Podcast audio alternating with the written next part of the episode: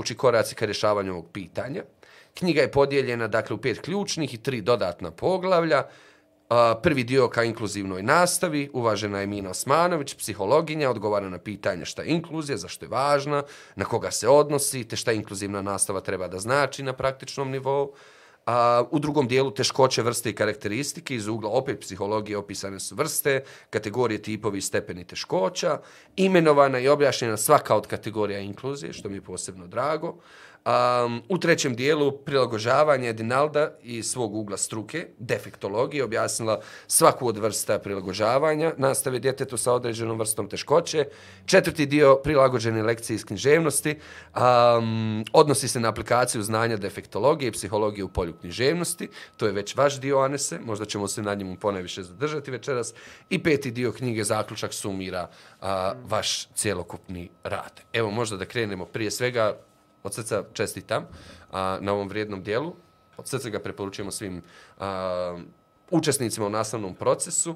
A, na kraju ne morate preporučiti dvije knjige, jednu samo, jer ovu smo dužni namir ja a, do kraja ove sezone da pročitam. Prvo pitanje, prije nego što nastavimo, Ane se, otkud potreba, ideja, otkud vam inspiracija i zašto baš sad to? Um, desilo je se da sam ja završio nastavnički fakultet na filozofskom fakultetu, da sam poslije toga ušao u učionicu i tamo između ostalog susreo se i sa uh, đacima sa teškoćama u razvoju. I moja prva reakcija je bila da ne znam šta da radim. Dakle, to je ono kao neko hodanje po jajima. Plašite se da ne pogoršate dodatnu situaciju, jer ste u potpunosti neupućeni, neinformisani. I poslije tog a, kraćeg iskustva rada u školama, ja sam počeo raditi kao asistent na filozofskom fakultetu i jedan od mojih prvih prijedloga jeste bio, tada je se radila neka revizija nastavnih planova i programa, da mi moramo studente već na studiju učiti kako će zapravo sutra raditi i sa djecom s teškoćama u razvoju. I to je sve ostalo negdje na nekoj divnoj zamisli, ništa se od toga nije uh, realizovalo. I onda je negdje ostalo da, evo, makar na ovaj način, ovom knjigom, uh, pomognem nastavnicima koji su možda u sličnoj situaciji kao što sam i ja bio. I poznavao sam Eminu i Edinaldu, Um, također sam uh, volontirao u udruženju Dajte nam šansu, gdje sam se upoznao sa, sa Eninom, onda nam je se priključila i i željeli smo da nekako napravimo knjigu koja će ovoj temi pristupiti zaista na jedan životni način, kao što, što ste i rekli na, na početku, riječ je o stvarnoj djeci, čije ono elementarno ljudsko pravo, pravo na adekvatno obrazovanje, nije ispunjeno odgovornosti svih nas. Tako da sam ja zaista htio da, da iskoristim a, trenutno a, znanje i iskustvo koje jeste skromno, ali da nešto uradim. Jasno. A, mnogo naših nastavnika istu identičnu priču kao, kao vi govore, da su nepripremljeni. A, niko ih ne priprema. Ne postoji mogućnost a, nikakvog usavršavanja vezano za to. A, I dalje postoji ozbiljna, ne, ne, ne, ne postoji ozbiljan konsenzus, barem među nastavničkom zajednicom o šta zna, o pojmu inkluzija i svim karakteristikama, šta ono biti je a, i šta nije. Kakvu podršku ste imali sa strane akademije? Pa, u principu, nikakvu. A, podršku smo imali magazina Školegium, fonda Otvoreno društvo i konkretno sam imao podršku jednog akademskog profesora, profesor koji je urednik ove knjige, to je Nenad Veličković. I evo ja se nadam sada kada izađe ova knjiga da a, više neće biti da ne znamo neke stvari. I da, jer mi vrlo često se pravimo da kao nešto ne znamo. Evo, poslije ove knjige zaista se nadam da će se i u akademskoj zajednici otvoriti jedan konstruktivniji dijalog na ovu temu. E, priča o, o djeci s teškoćama je dugogodišnja priča o obrazovanju i u, u zadnjih nekoliko godina, vi to je Filo kaže u uvodu, dakle da je to zapravo priča o inkluziji, mi smo teškoće sveli na pojam inkluzije, dakle doslovno ga reducirali kao takvog. I vrlo često i najčešće vlade organizacije se zapravo i bave inkluzijom, ali još uvijek kao da stidljivo ulazi u okvire i univerziteta, kao da ulazi u same škole, odnosno da ulazi onoliko koliko je trenutno postavlja sistem koji to može primiti i vrlo često, nažalost, ulazi na pogrešan način. Tako da ono postavlja se pitanje da li je to, da li si više štete nego same koristi. Zašto nastavnički fakulteti ne ono, pro, problem koji je prepoznat, ne koriste da buduće nastavnike, evo, koji sad studiraju ili koji su studirali nedavno, budu osposobljeni da između ostaloga, vjerujem da nije jedina manjkavost, dakle, između ostalog se zapravo bave i evo, studijem ono, književnosti ili jezika maternjeg u, ra, u radu učionci s djecom poteškoćama. A za šta tačno nastavnički fakulteti pripremaju Da, nastavnike? da, to je jedno. To je, mislim, ono, sad uh, Pandorina kutija. Um, ja sam prošao taj sistem i čitav obrazovni sistem. Vrlo malo sam praktičnih vještina, konkretnih vještina naučio. Vrlo malo se radi um, o stvarima koji i tekako imaju veze sa životom djece koju ćemo podučavati. Tako da ista stvar i sa, sa inkluzijom. Nekako u, u političkoj sferi vrlo često nam inkluzija posluži da pokupimo neke političke pojene mm. i prosto stapkamo u mjestu već, već duže vrijeme i tu se ništa konkretno ne, ne dešava. I evo, ajmo korak po korak. O, evo, mislim, iskustvo ima bi ja, vjerujem da Nedi biva također, ono, spomnjao si da si imao i, i, i ti učionci. Kako izgleda to ono, suočenje sa djetetom koje ne može pratiti recimo redovnu nastavu književnosti, onako kako ste zamislili čas, kako, mm. mislim, kako izgleda ta vrsta suočenja. To, to je ono što, što Pa vrlo je frustrirajuće. Ono, pošteni i iskreni da budemo, ali uh, je frustrirajuće jer smo mi čitavu nastavu i čitav obrazovni sistem postali nekako iz naše odrasle perspektive. Mm -hmm. I meni je vrlo značajno bilo kada sam prestao učenike posmatrati isključivo kroz njihovu teškoću. Mm -hmm. Dakle, mi moramo govoriti uh, i šta su vještine tog djeteta, šta su njegovi interesi, šta je to što njeg zanima, koje aktivnosti u svakodnevnom životu radi, pa pokušati neke nastavne jedince koje želimo da dijete nauči, povezati sa njegovim interesima. I tu se zaista onda može otkriti potpuno jedna drugačija a, situacija i priča.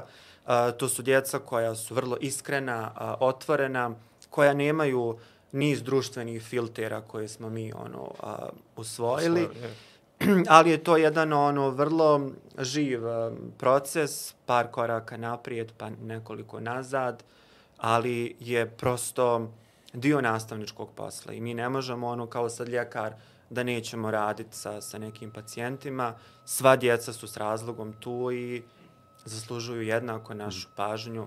I mislim, ova knjiga, vjerovatno ćemo pričati o tome, inkluzija ne podrazumijeva samo mm -hmm. djecu s teškoćama u razvoju. Mm -hmm. Mi smo sveli, nažalost, pojave inkluzije na to. Pa smo ga onda još više sveli na pristupnu rampu. Da, da. od prilike. I to je najveći, do, najveći inkluzivno dostignuće. Uklada, ukladanje barijera Tako. za invalidne osobe. Da. Tio si nešto pa sam to prekrio. Ne, ne, ne, ne, možemo, možemo nastaviti u, u, ovom smjeru. Baš sam, baš sam tio da, da, da, da otvorimo. A, ko je na koncu, a, dakle, dobre prakse inkluzivne prakse. Uh, postoje određeni obrazovni sistemi koji odbijaju već pojam inkluzije a, kao, kao, kao jedan izdvojeni pojam koji mm. podrazumijeva drugačije sve, sve, sve pristup. Oni ga vraćaju u obrazovanju, to je upravo na tragu a, ovoga o, če, o čemu vi govorite, kao integralni dio i sastavni dio samog pojma obrazovanja. Dakle, pristup, a, uslovi, individualiziranje treba da, da, da, da je usmjereno ka, ka, ka svoj djeci, a ne a, partikularno izdvojeno kao, kao jedan pojam kojeg onda dodatno pojeftinjujemo sa, sa, sa raznim, raznih strana. Imali ste priliku da sarađujete i sa, sa civilnim sektorom, nevladnim sektorom, koji je amnestirao ovaj sistem do, do, do sada, pogotovo u, u, u ovom polju um, inkluzije. Da li mi u Bosni i Hercegovini imamo dovoljno kapaciteta da otvorimo ozbiljna pitanja, um, da inspirišemo ljude, da obrazujemo ljude u, u, u ovoj sferi ili jednostavno tu nam treba ozbiljna pomoć? Mislim da nam treba ozbiljna pomoć. Mislim da je ono i individualna i kolektivna odgovornost. Ali da, da se nekako sad ne razbacujem nekim mm -hmm. ono velikim pojmovima i, i riječima.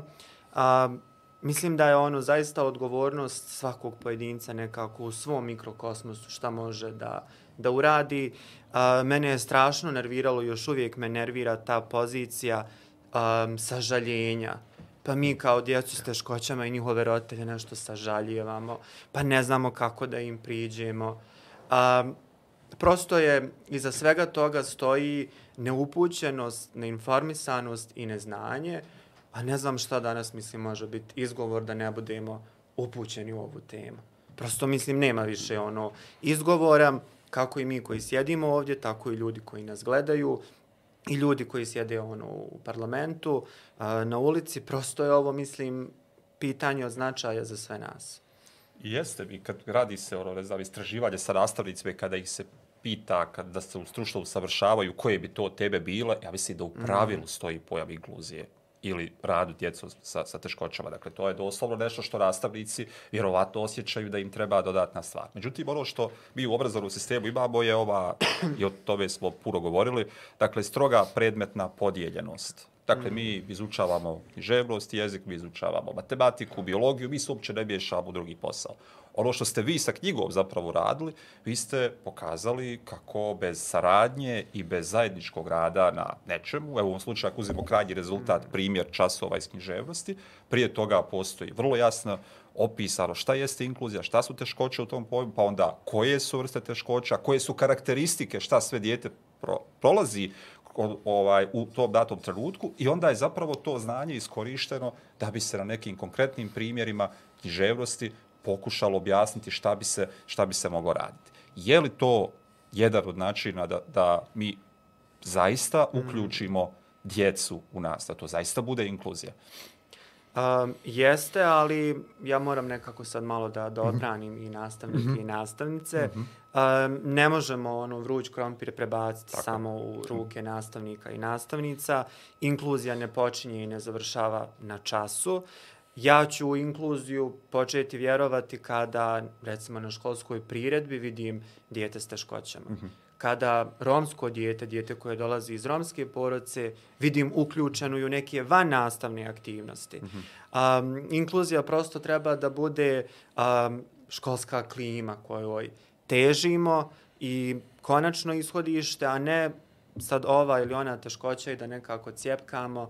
Um, možda da, da, da kažemo da um, meni je jako bitno da, da, da izdvojimo da nekako postoje dvije perspektive posmatranja invaliditeta. Mm -hmm. Jedno je medicinsko, koje još uvijek, nažalost, preovladava mm -hmm. u mhm. Bosni i Hercegovini, a ono negdje očekuje da ljudi koji imaju invaliditet sami se poprave i preprave preko noći, a drugi je socijalni model, mm. koji očekuje zapravo da se društvo transformiše i promijeni kako bi na isti način integrira, integriralo sve svoje članovi i članice.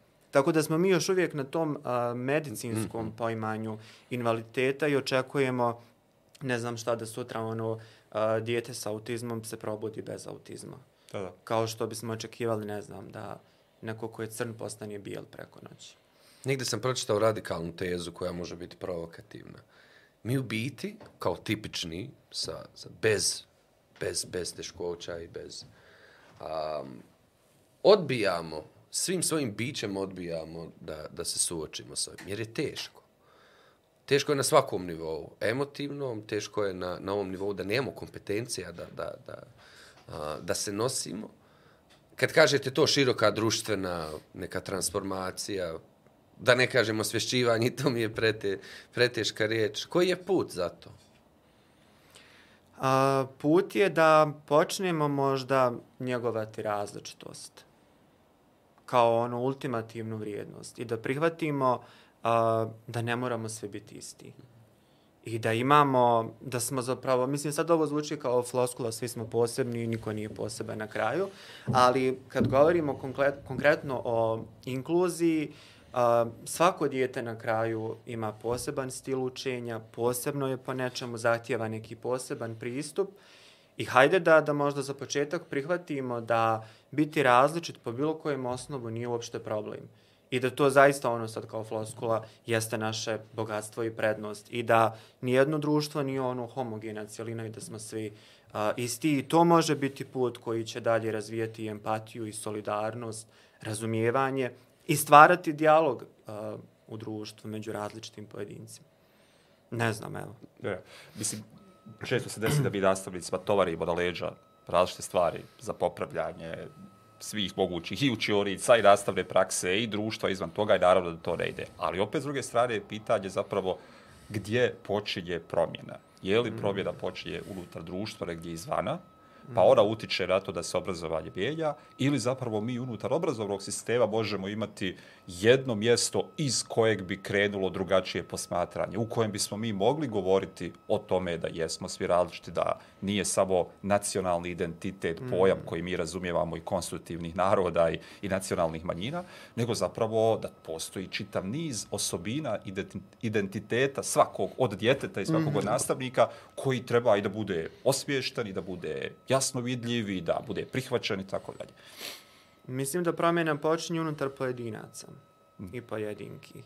A, barem je nekako tako iz mog iskustva bilo. Dok nisam sam osvijestio neke stvari i odlučio da vidim neke stvari i dok nisam odlučio da nekako skinem ružičaste a, naočale, što mislim da je prvi korak da zrelo pristupimo bilo čemu, a, nije se nešto puno promijenilo. Dakle, promjena unutar nas a, počinje, a onda se negdje nadam da će ti koji su se iznutra osvijestili možda Utjecati. udruživati. Jel se to sad oslanjamo na empatiju? Na, na, na, na sposobnost ljudi da, da...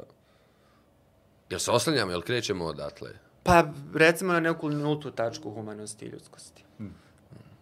Ja nešto sve manje računam na nju. Da. Ne, ne, ne iskreno, jer, jer Pa ja, tu se više, više pitanje, tu je pitanje socijalnog okruženja u kojem neko odrasta. Tako, I vrlo brzo ulazimo u koncept sažaljenja, a ne rada sa... Mm -hmm. Dakle, ja bih više volio da neko, evo, i nema tu, tu empatiju, ali radi ozbiljan posao sa, sa, sa djecom, no što ima taj koncept koji, empatije koji vrlo često sklizne u nešto Ne što mora je nužno. sažaljenje. Ne mora nužno sažaljenje. Barem ja ne vidim takvu mm Mhm. -hmm. empatiju, da nužno prelazi. Ali mislim da je negdje ono empatija ključna kao faktor koji nas motiviše a, da čitamo, da radimo, da se informiramo, educiramo o nekoj temi, da bolje radimo u konačnici bilo koji posao, pa i nastavnički. Jasno. U jednom trenutku govorite da, da ne, ne nudite konačne odgovore. I to mi se, dakle, jako Vrlo se- pošteno. Ne, vrlo pošteno zato što, što je ovo tako kompleksna oblast da, da, da napišemo hiljadu jednu knjigu, opet bi se javila neka posebnost negdje koju nismo prepoznali. A, I sjajno ste ovdje napisali da je svaki učenik i učenica sa teškoćom i bez nje individualno, zasebno je autentično dijete. E sad to vežem sa ovom odraslo centričnošću. Odakle je to? O, ka, ka, kako ste došli do toga? Na šta Mislim, mi tačno? često pričamo o odrasloj perspektivi, da smo sistem čite obrazovanja napravili mm -hmm. iz, iz, iz vlastite, a a vaše mišljenje o tom? Pa ja sam nekako, prvo sam razmišljao, kao pošto mi djecu s teškoćama sažaljevamo, a, radeći s njima, ja sam se prvo zapitao kako mi znamo da je njima nužno lošije u njihovom svijetu. I onda sam došao do zaključka da je možda lošije ako nastupamo iz svoje perspektive, prvo tipičnosti, a onda iz te odrasle perspektive. I onda sam negdje do, do tog ovaj, i, i zaključka došao da bez obzira s teškoćom ili bez, zaista je svako dijete zasebno i autentično i ključan je možda pristup na koji mu nastavnik ili nastavnica pristupa. Pogotovo kada govorimo recimo o nadarenoj djeci, ja sad malo mm -hmm. ovaj, preskačem, slobodno me za, zaustavite. Ima jedan sjajan ovaj eksperiment, nastavnici su uh, nastavnici na početku školske godine odobrali su uh, tri sasvim slučajno učenika i rekli su joj da je to troje djece nadareno. Da bi se na kraju školske godine ispostavilo da ta djeca zaista jesu bila nadarena, ali su bila nadarena zato što im je ta nastavnica posebno pristupila i posebno njegovala njihove talente i vještine koje imaju. Tako da ja nekako zaista vjerujem duboko da svako dijete jeste talentovano, autentično, zasebno, ima neke vještine, ali je do obrazovnog sistema i ne samo do obrazovnog sistema, do roditelja, do svih nas, koliko ćemo njegovati do kod djece, a koliko ćemo ih nastojati ukalupiti. I ovdje je to o, o čemu govoriš zapravo i vrlo jasno vidljivo, jer mi, naša obrazovna tradicija podrazumijeva da se mi obraćamo svoj djeci na potpuno jednak način. Dakle, ispred nas sjedi 24 djece koja u istom trenutku isto osjećaju, isto žele, mm -hmm. isto znaju i mi se obraćamo njima na tom nivou. Inkluzija je suprotno od toga. Apsolutno. Dakle, potpuno drugačije. Tu sjedi 24 individue. Mm -hmm. I mislim da u ovom uh, pravcu inkluzije zapravo možemo samo govoriti o promjeni principa učenja i podučavanja mm. unutar same učionice. Da bismo imali inkluzivnu učionicu. Tako je, suštinski govoriti o individualiziranju nastave. To je, mislim, sad ono veliki izazov i meni je jasno da je školi još uvijek najekonomičnije da odgaja prosjek. A, ne može jedan nastavnik raditi sa 24 đaka po individualnom prost, Program. programu. Prosto treba i nastavnik razumjeti. Tako je. A, ali, evo mislim, šta radimo? Da. Izvlačimo se. Prosto ono nudimo izgovore koji i na kraju se sve svede ono na zaista ukalupljivanje. Dakle, mi doslovno postavimo mm. Ma i odabir vrlo jasnu formu koju neko popunjava. Ma ja mislim konformistički. Ono. Jeste, Prosto jeste. sad kao... Da se ne lažemo. Zašto bi bilo ko ono, odskaku, a opet mislim pate ono dječji potencijali, kapaciteti.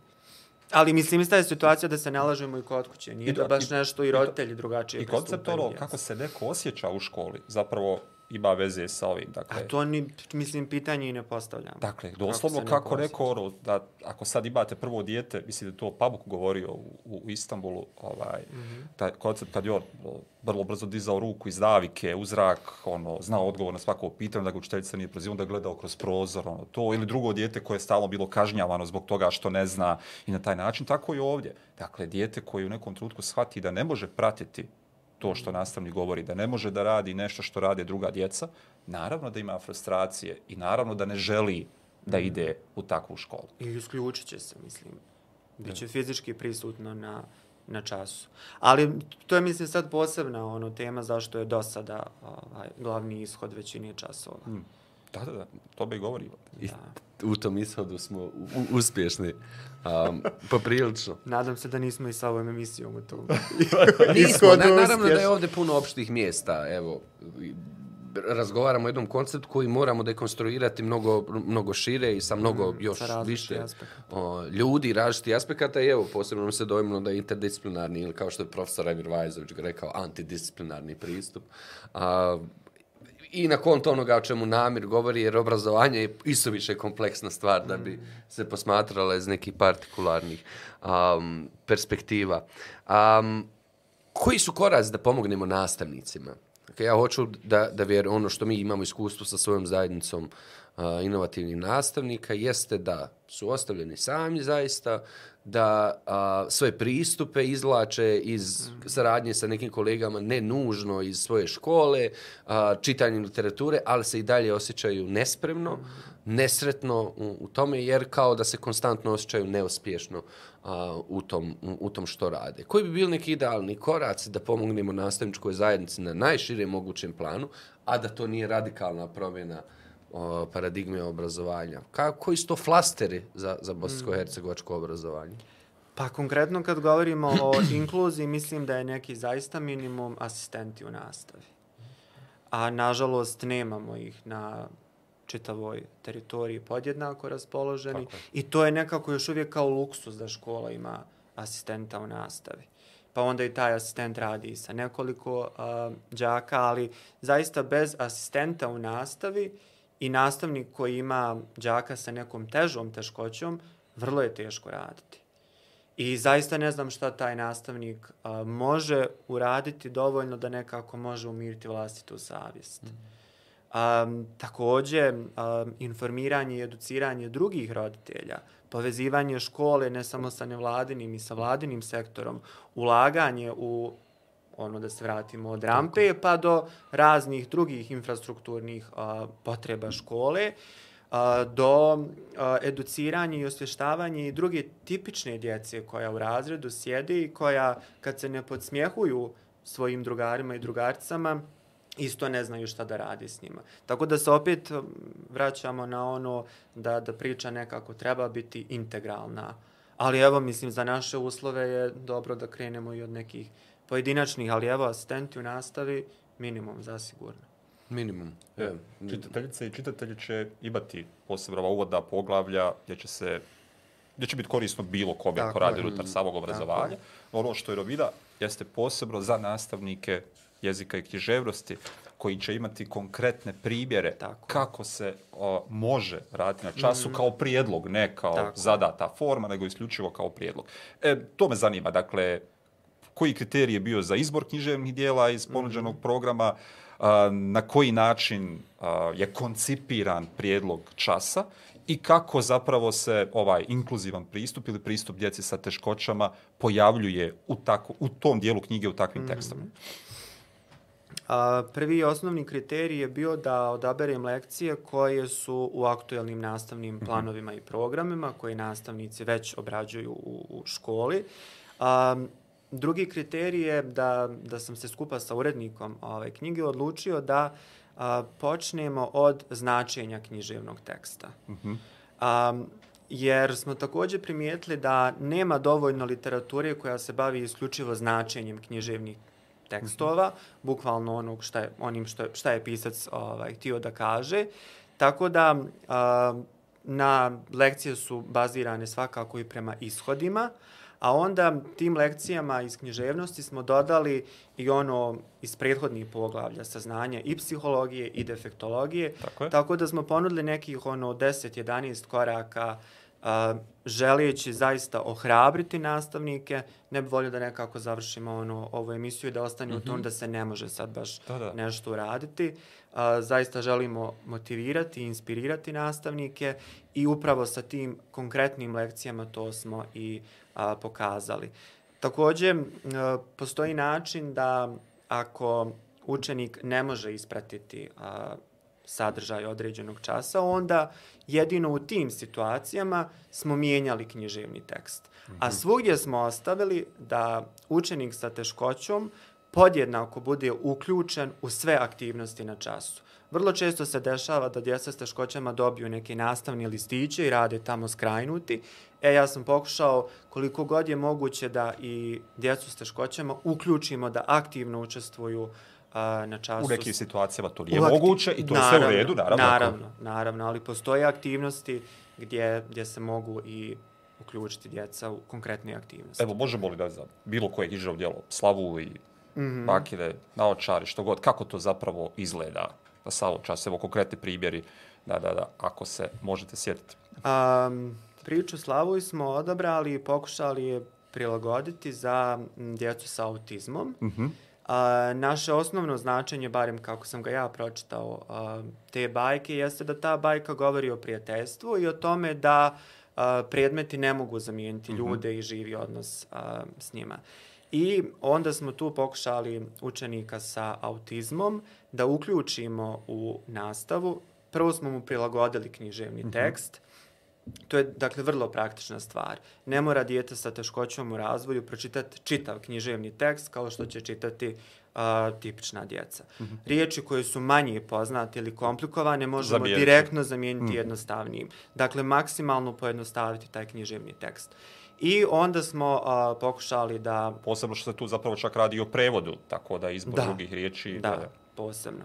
I onda smo tu niz nekih ovaj a, aktivnosti kako zapravo sada i dijete sa autizmom možemo pokušati da ga uključimo, da, da svati. Vrlo je važno, mi smo zapravo dodali i za svaku lekciju jedan specifičan yes. ishod. Mm -hmm.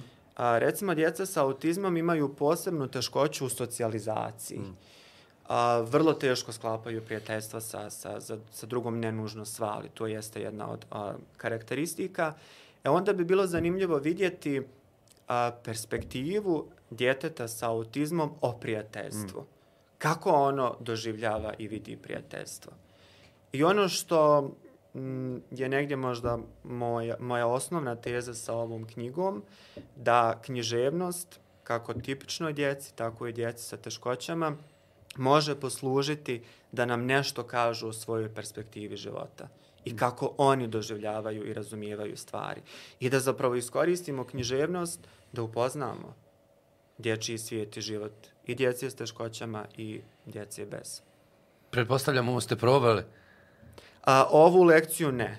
Mi smo imali mm -hmm. ova, jednu zamisao da u jednoj školi koja ima veliki broj a, džaka sa teškoćama, da ja, ja sam otišao i razgovarao sa a, nastavnicima, sa asistentima u nastavi, sa roditeljima i naš prvobitni cilj je bio da ja za tačno određenu djecu kreiram tačno određene lekcije i da vidimo šta će se desiti. Da li će te lekcije zaista imati nekog smisla, da li će djeca uspjeti nešto naučiti a, kroz, kroz te lekcije. Onda je se desila pandemija koja je evo sad i meni izgovor za, za to. Ali s druge strane, opet sam pomislio kako bi uzorak od petero djece bio možda premali. I kako opet jedna kreina, kreirana lekcija nije aplikativna baš za svako dijete. Tako da smo nastojali da ostanemo malo uh, fleksibilni. Mi ćemo pozvati naše nastavnike da, da oprobaju svaku od ovih lekcija. Pa I da, da kažu šta, šta nije dobro, šta je dobro. I ja ću ovo razumijeti kao čitavu knjigu, kao jednu, jednu vodilju, kao mm. početak inspiracije za, za svako. Da. Evo, sebi sam zapisao tu opet pitanje, opet vraćam na, na, na nastavnike, pa ti vrati namire na književnost. O, kako neko ko je ostavljen sam, a mnogo je takvih nastavnika u, u, u, u BH, i ne može dobiti podršku ni od kolega, ni od kolegica, ni neku stručnu pomoć u smislu da napreduje, da nauči nešto o tome koji su neki ljudski pristupi, ako već ne govorimo o ovim ozbiljnim naučnim metodološkim pristupima, kada uđe u razred ili sazna da mu u razred dolazi dijete sa, sa, sa teškoćom. Mm. Mislim, to može, može, može biti veza sa vašom o, ličnom pričom. Da. Pa nekako je sad izazovno ono da, da možda kažem da ne gleda nekako drugačije to dijete nego što bi drugu djecu ovaj, u razredu, ali je činjenica da to dijete jeste a, drugačije, odnosno da zahtijeva neki drugačiji pristup.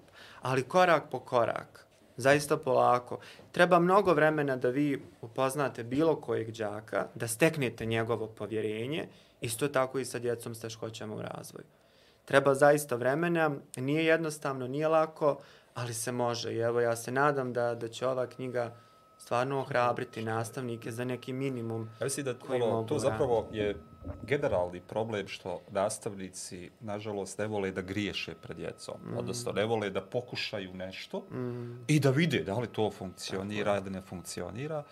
Vrlo često, dakle, hoće da idu na sigurno, hoće da su u mm. okviru svoje materije, svoje stručnosti dominantni i da to i djeca vide. Mm. U ovom slučaju tu je vrlo klizak teren. Bojim se da i to jedna od osobina obrazovnog sistema koje na neki način otežavaju uh, posvećenost samom, samom djetetu koje ima posebno potrebu. Pa i, i nastavnici nekako vrlo lako se uklopio neki prosjek. Mm. Govorili smo o ovom odgajanju ovaj, prosjeka među učenicima u sumu i ljubavi i poštovanje prema nastavnicima. Većina ih se uklopi u neku uh, ovo neki konformizam, a, ne želijući upravo ovo što se rekao namere i pokušati neke stvari, eksperimentirati, probati pa pogriješiti. Ali je tu negdje ključna i saradnja sa roditeljima. Dakle, ne možemo roditelje djece s teškoćama isključiti iz čitave priče. A, u knjizi je Emina Osmanović sjajno objasnila kroz koje sve emotivne faze prolaze roditelji. Mm ali smo onda željeli da pokažemo i kroz koje sve emotivne faze i nastavnici također prolaze. Uh, nekako kada je ova tema u pitanju, a nadam se i sve druge, nismo lišeni uh, emocija mm. i ne mislim da je toliki problem pogriješiti, mislim da je veći problem ne probati neke stvari mm. i ne pokušati. Je, zapravo ćemo ostati uskraćeni za sad ću ja biti sa floskolom, dakle, za, za bogatstvo svih drugih stvari koji mm. se mogu desiti sa onim našim pokušajem. Mm. Dakle, mi možemo otvoriti čitav novi svijet ako pokušamo, a neće mm. se desiti velika tragedija ako pogriješimo. Mm. Dakle, to je, možemo samo naučiti šta je, šta je kako. Koliko bi za vas bio, Ane, se učeći proces? Pa i u samoj materiji? Pa, bio je vrlo izazovan, inspirativan, uh, frustrirajući. Dakle, to je ono...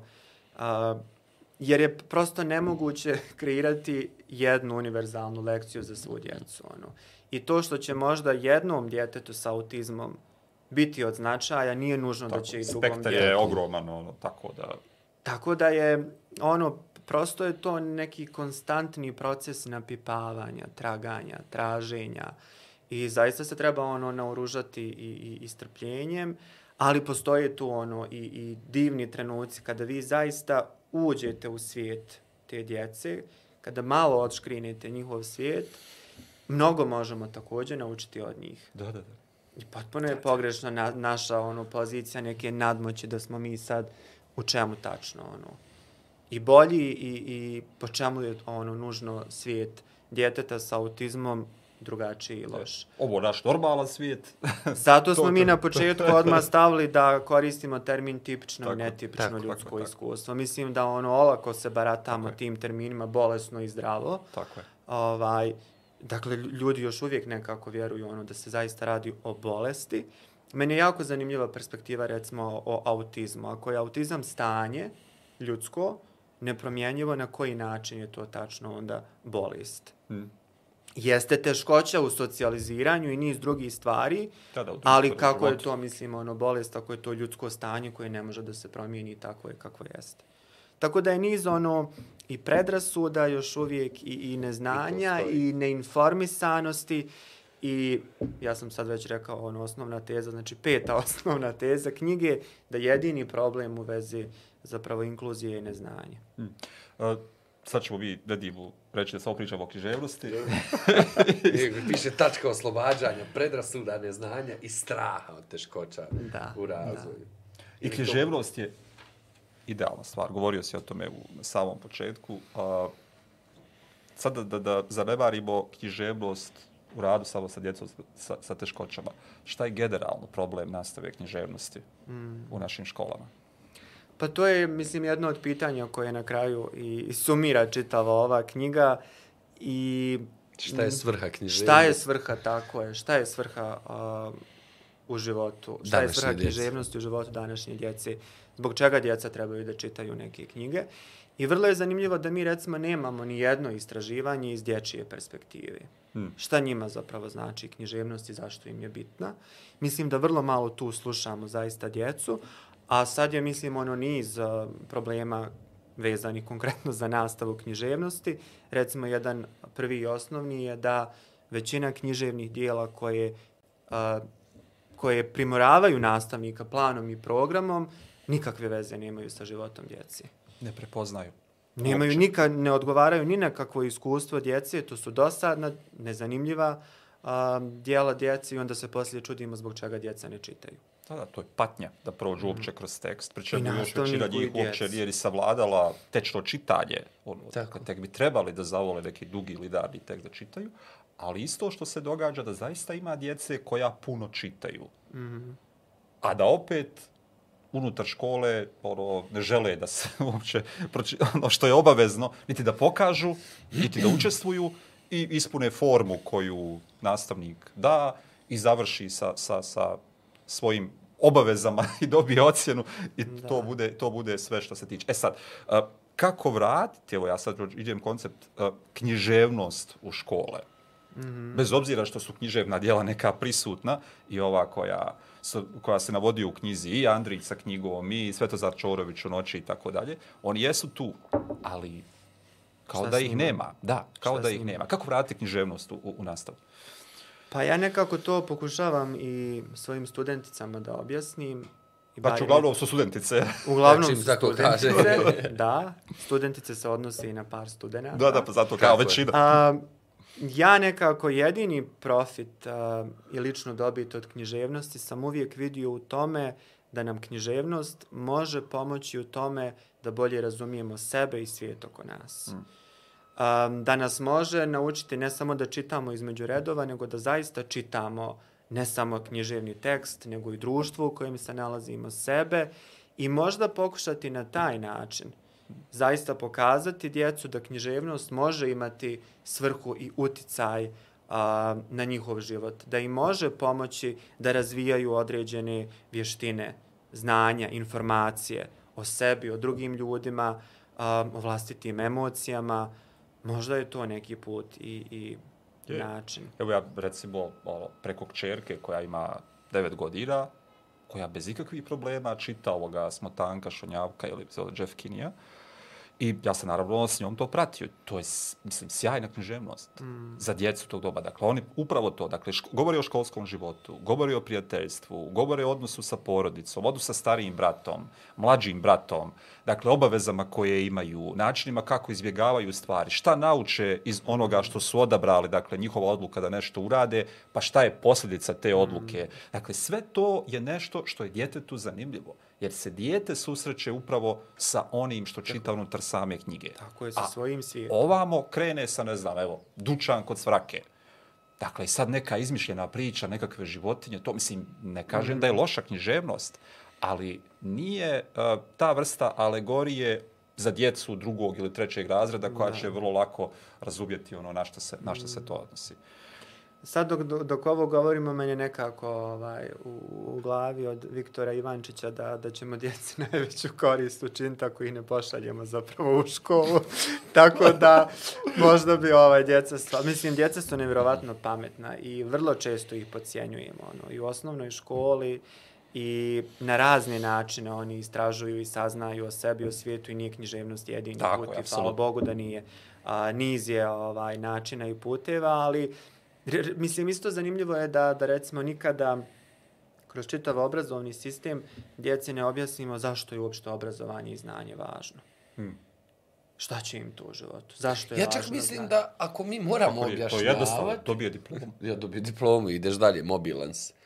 Meni je u nekom paralelnom utopijskom a, nepotrebno to objašnjavati, jer bi ono samo po sebi trebalo da bude dovoljno eksplanatorno, prijemčivo, a, smisleno za dijete da uopšte ne propituje zašto, zašto nešto. Možda sa nekim sjajnim nastavnicima i u sjajnom nekom obrazovnom sistemu kojeg mi nemamo.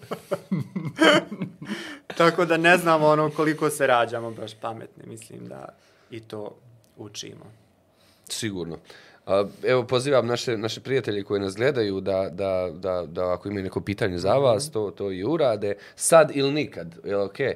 Um, Kogod bude gledao večeras ovu emisiju, moći će da dođe do linka knjige, Tako. da preuzme Da. PDF, dakle, Da. kogod da, bude gledao... Ali ko ne bude, ne, Ne, može onda da to dođe. već malo teže. Yes. Ma, malo teže. Kažu da ste skromni, divni, iskreni. A, I u vrijeme kad svako sebe proziva ekspertom, a, vrlo su ponosni na vas i pohvaljuju vas. Nadam se da će ova knjiga otvoriti vidike nastavnicima ka kompleksnosti ove tematike. Mislim da je ova kompleksnost ključna riječ. I to more nepoznatog nas sve plaši. I ja mislim da, da je prvi put, prvi korak jeste naravno da se suočimo sa tim da mnogo ne znamo i da će ovo putovanje trajati do vijeka. A, I već sutra je zrelo za novu knjigu. Tako je, Novu juče je nastavu. bilo, ali- Tako, sa, sa teškoćama. Samo dajte da krenemo na taj put. Uh, uvažena Dušica iz, iz uh, Srbije pita kako mogu kupiti knjigu u Srbiji. Ne možete Dušice kupiti knjigu Možete u je Srbiji. preuzeti, možete, štampati. možete je preuzeti besplatno. A, to je nešto što Školegijum i Fond Otvoreno društvo u Bosni i je. Hercegovini rade. Čitav drugi niz a, knjiga iz edicija Tako. Lektire narodu. Narodu, yes. koju možete knjiga. pronaći na, na, na školegijumu, a ono što smo mi uspjeli jeste da ukrademo jedan, o, jednu ozbiljnu garažu knjiga u, Odštampanih iz odštampanih Jest. knjiga i imamo trenutno uh, vlasnici smo od toga, ne damo nikom da priđe, Tako što znači da sve zainteresovani nastavnici i nastavnice naravno da mogu uh, zamoliti još uvijek za to staro, dobro, uh, papirnato izdanje knjiga iz edicije Lektira narodu, a nadam se da će i ovo ugledat. Nešto mi je važno da ovako Pa ozbiljna jeste, djela ja, ugledaju. ja se isto ono nekako trudim da imamo i u papiru pod rukom tu knjigu, ali evo zaista mislim ono školegijum je možda jedini ovaj, portal i magazin koji sjajne knjige nudi besplatno, tako da Da, da, da. nemojte više da ne znamo ono. Kao da Evo, smo nema neinformisani tako. i neupućeni. Imamo čarobno jaje. Imamo pitanje Imamo prije pitanje. čarobnog jajeta. A, da li će biti radova na temu rada sa nadarenom djecom? A, poseban jedan segment ove knjige odnosi se na nadarenu djecu, kako ih prepoznat, kako raditi s njima. I ja sam jednu a, posebnu lekciju, to je Andrićeva knjiga, pokazao kako se na primjeru te, knji, a, te priče može raditi sa nadarenom djecom. Tako da smo posebno i taj segment obradili, a naravno posebno i segment uh, djecu iz romskih zajednica i, i porodica, mm -hmm. zato što svaki aspekt inkluzije nosi neki dodatni ovaj, specifični niz dodatnih pitanja, sad ono pleonazam na pleonazam. Ali da, bavimo se i nadarjenom i talentovanom djecom u ovoj knjizi. Također. Volimo još jedan štreberski parti u niz. Ane se zamolit ću vas da preuzmete naše čarobno jaje. Dobro.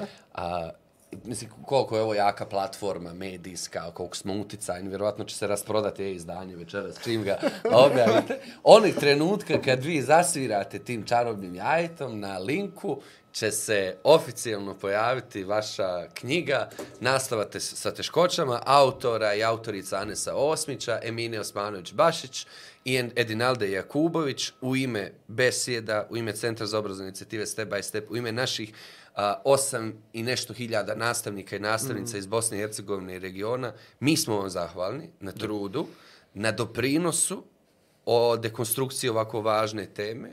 Biće od pomoći, a ja mislim da će naš najbolji odgovor za vaš trud i vašu ljubav i energiju koju ste uložili biti upravo da sa vama podijelimo ne jedan, dva, stotine primjera mm. kako to može mm. a, u radu sa različitom a, djecom, da vam mnogo komentarišemo, da mnogo dijelimo mm. sa vama. Ja mislim da je to najbolje i jedino hvala koje možemo da vam damo. Čestitamo, Anes. Hvala. Hvala puno. I I šta sad ide Oprah Winfrey Mo- Oprah trenutak? Winfrey moment. Tako je. I sad će doktor Phil da se Tako, pojavi. Dr. Phil i na, evo sad imate priliku da vidite link koji Iako je, je malo a, preko našeg ekrana, imate link u um, komentarima gdje možete pristupiti uh, ovoj, um, ovom, ovom sjajnom, sjajnom dijelu. A, mi ćemo se potruditi i možda ćemo čak pomoći da ovo uradimo i u papir na tom izdanju sjajno, i eto. da ih tako zatrpamo škole sa, sa ovim evo vam. Sjajno. Dobro. Znamo šta pišeš, šta čitaš, pare se. Dakle, imam običaj da nam gosti Aha. preporuče knjige na kraju. A, čitam, posljednje zapravo što sam pročitao je a, potpuno ono neopravdano sa zakašnjenjem. Radnici i seljaci Aha, od Viktora. Ivanića, zato mi je bio Divat, divat. ovaj, u, u, u glavi. Dobro, zašto radnici seljaci? Zašto bi bilo Zato dobro da što čitaju? sam o, sa studentima, sa studentima, pardon, radio taj, ovaj, to dijelo i onda je bila je li moja obaveza da... Da, da, a zašto je bilo važno da čitaju, da čitamo mi? Zato da čitaju što nastavnici? mogućnost bunta i pobune Aha, postoji aha. još uvijek. O, kako, kako vas je Morao sam, ponijela bunt. morao Izvini, ne molim te. Dakle, nije jedina opcija pozicija žrtve. Sinoć je profesor da. Nerzuk Čurak u, u, u Bosko kulturnom, kulturnom centru imao promociju knjige Zašto je Bosna, a ne ništa. Mm -hmm. Veoma posjećena promocija. Meni je to napunilo emotivno čim sam ušao u prostor. A, isto, isto sjajna knjiga, ali izdao je i manifest jedan, proglas mm -hmm. u sastavu te, te knjige. Dostupan je evo, na društvenim mrežama, zove se Pobunite se. Mm, a, inspirisan a, autorima koji su radili na, na sličnim manifestima, proglasima. Ćao čovječe, baš je vrijeme za, za pobunu. Ako ništa zbog djece, propuštene djece. I jako mi je drago što ovdje stalno vraćate na to. To su ljudi, stvarna djeca. Mm. Mi smo sve eksperiment, igramo se, ne igramo se, radimo, ne radimo. Možemo, ne, Ali da. to su stvarna djeca. Hvala. I kad smo kod Viktora Ivančića, evo da... Nećeš valjda otkrivati. Neću. Kad smo kod Viktora Ivančića, hvala mu što postoji. Aha, dobro, dobro, Tako, je, toliko možemo, je. dobro, dalje nećemo. Nećemo. Um, drugari, evo još jedna servisna informacija, putevi su prohodni. Kad smo kod ove tematike. Um, Izvještaj iz Bijamka. Izveš, sad će nam se javiti ona teta, ona, što Bisera. Bisera, je. Bisera, molim te, reci nam kako su prohodne knjige. O, putevi.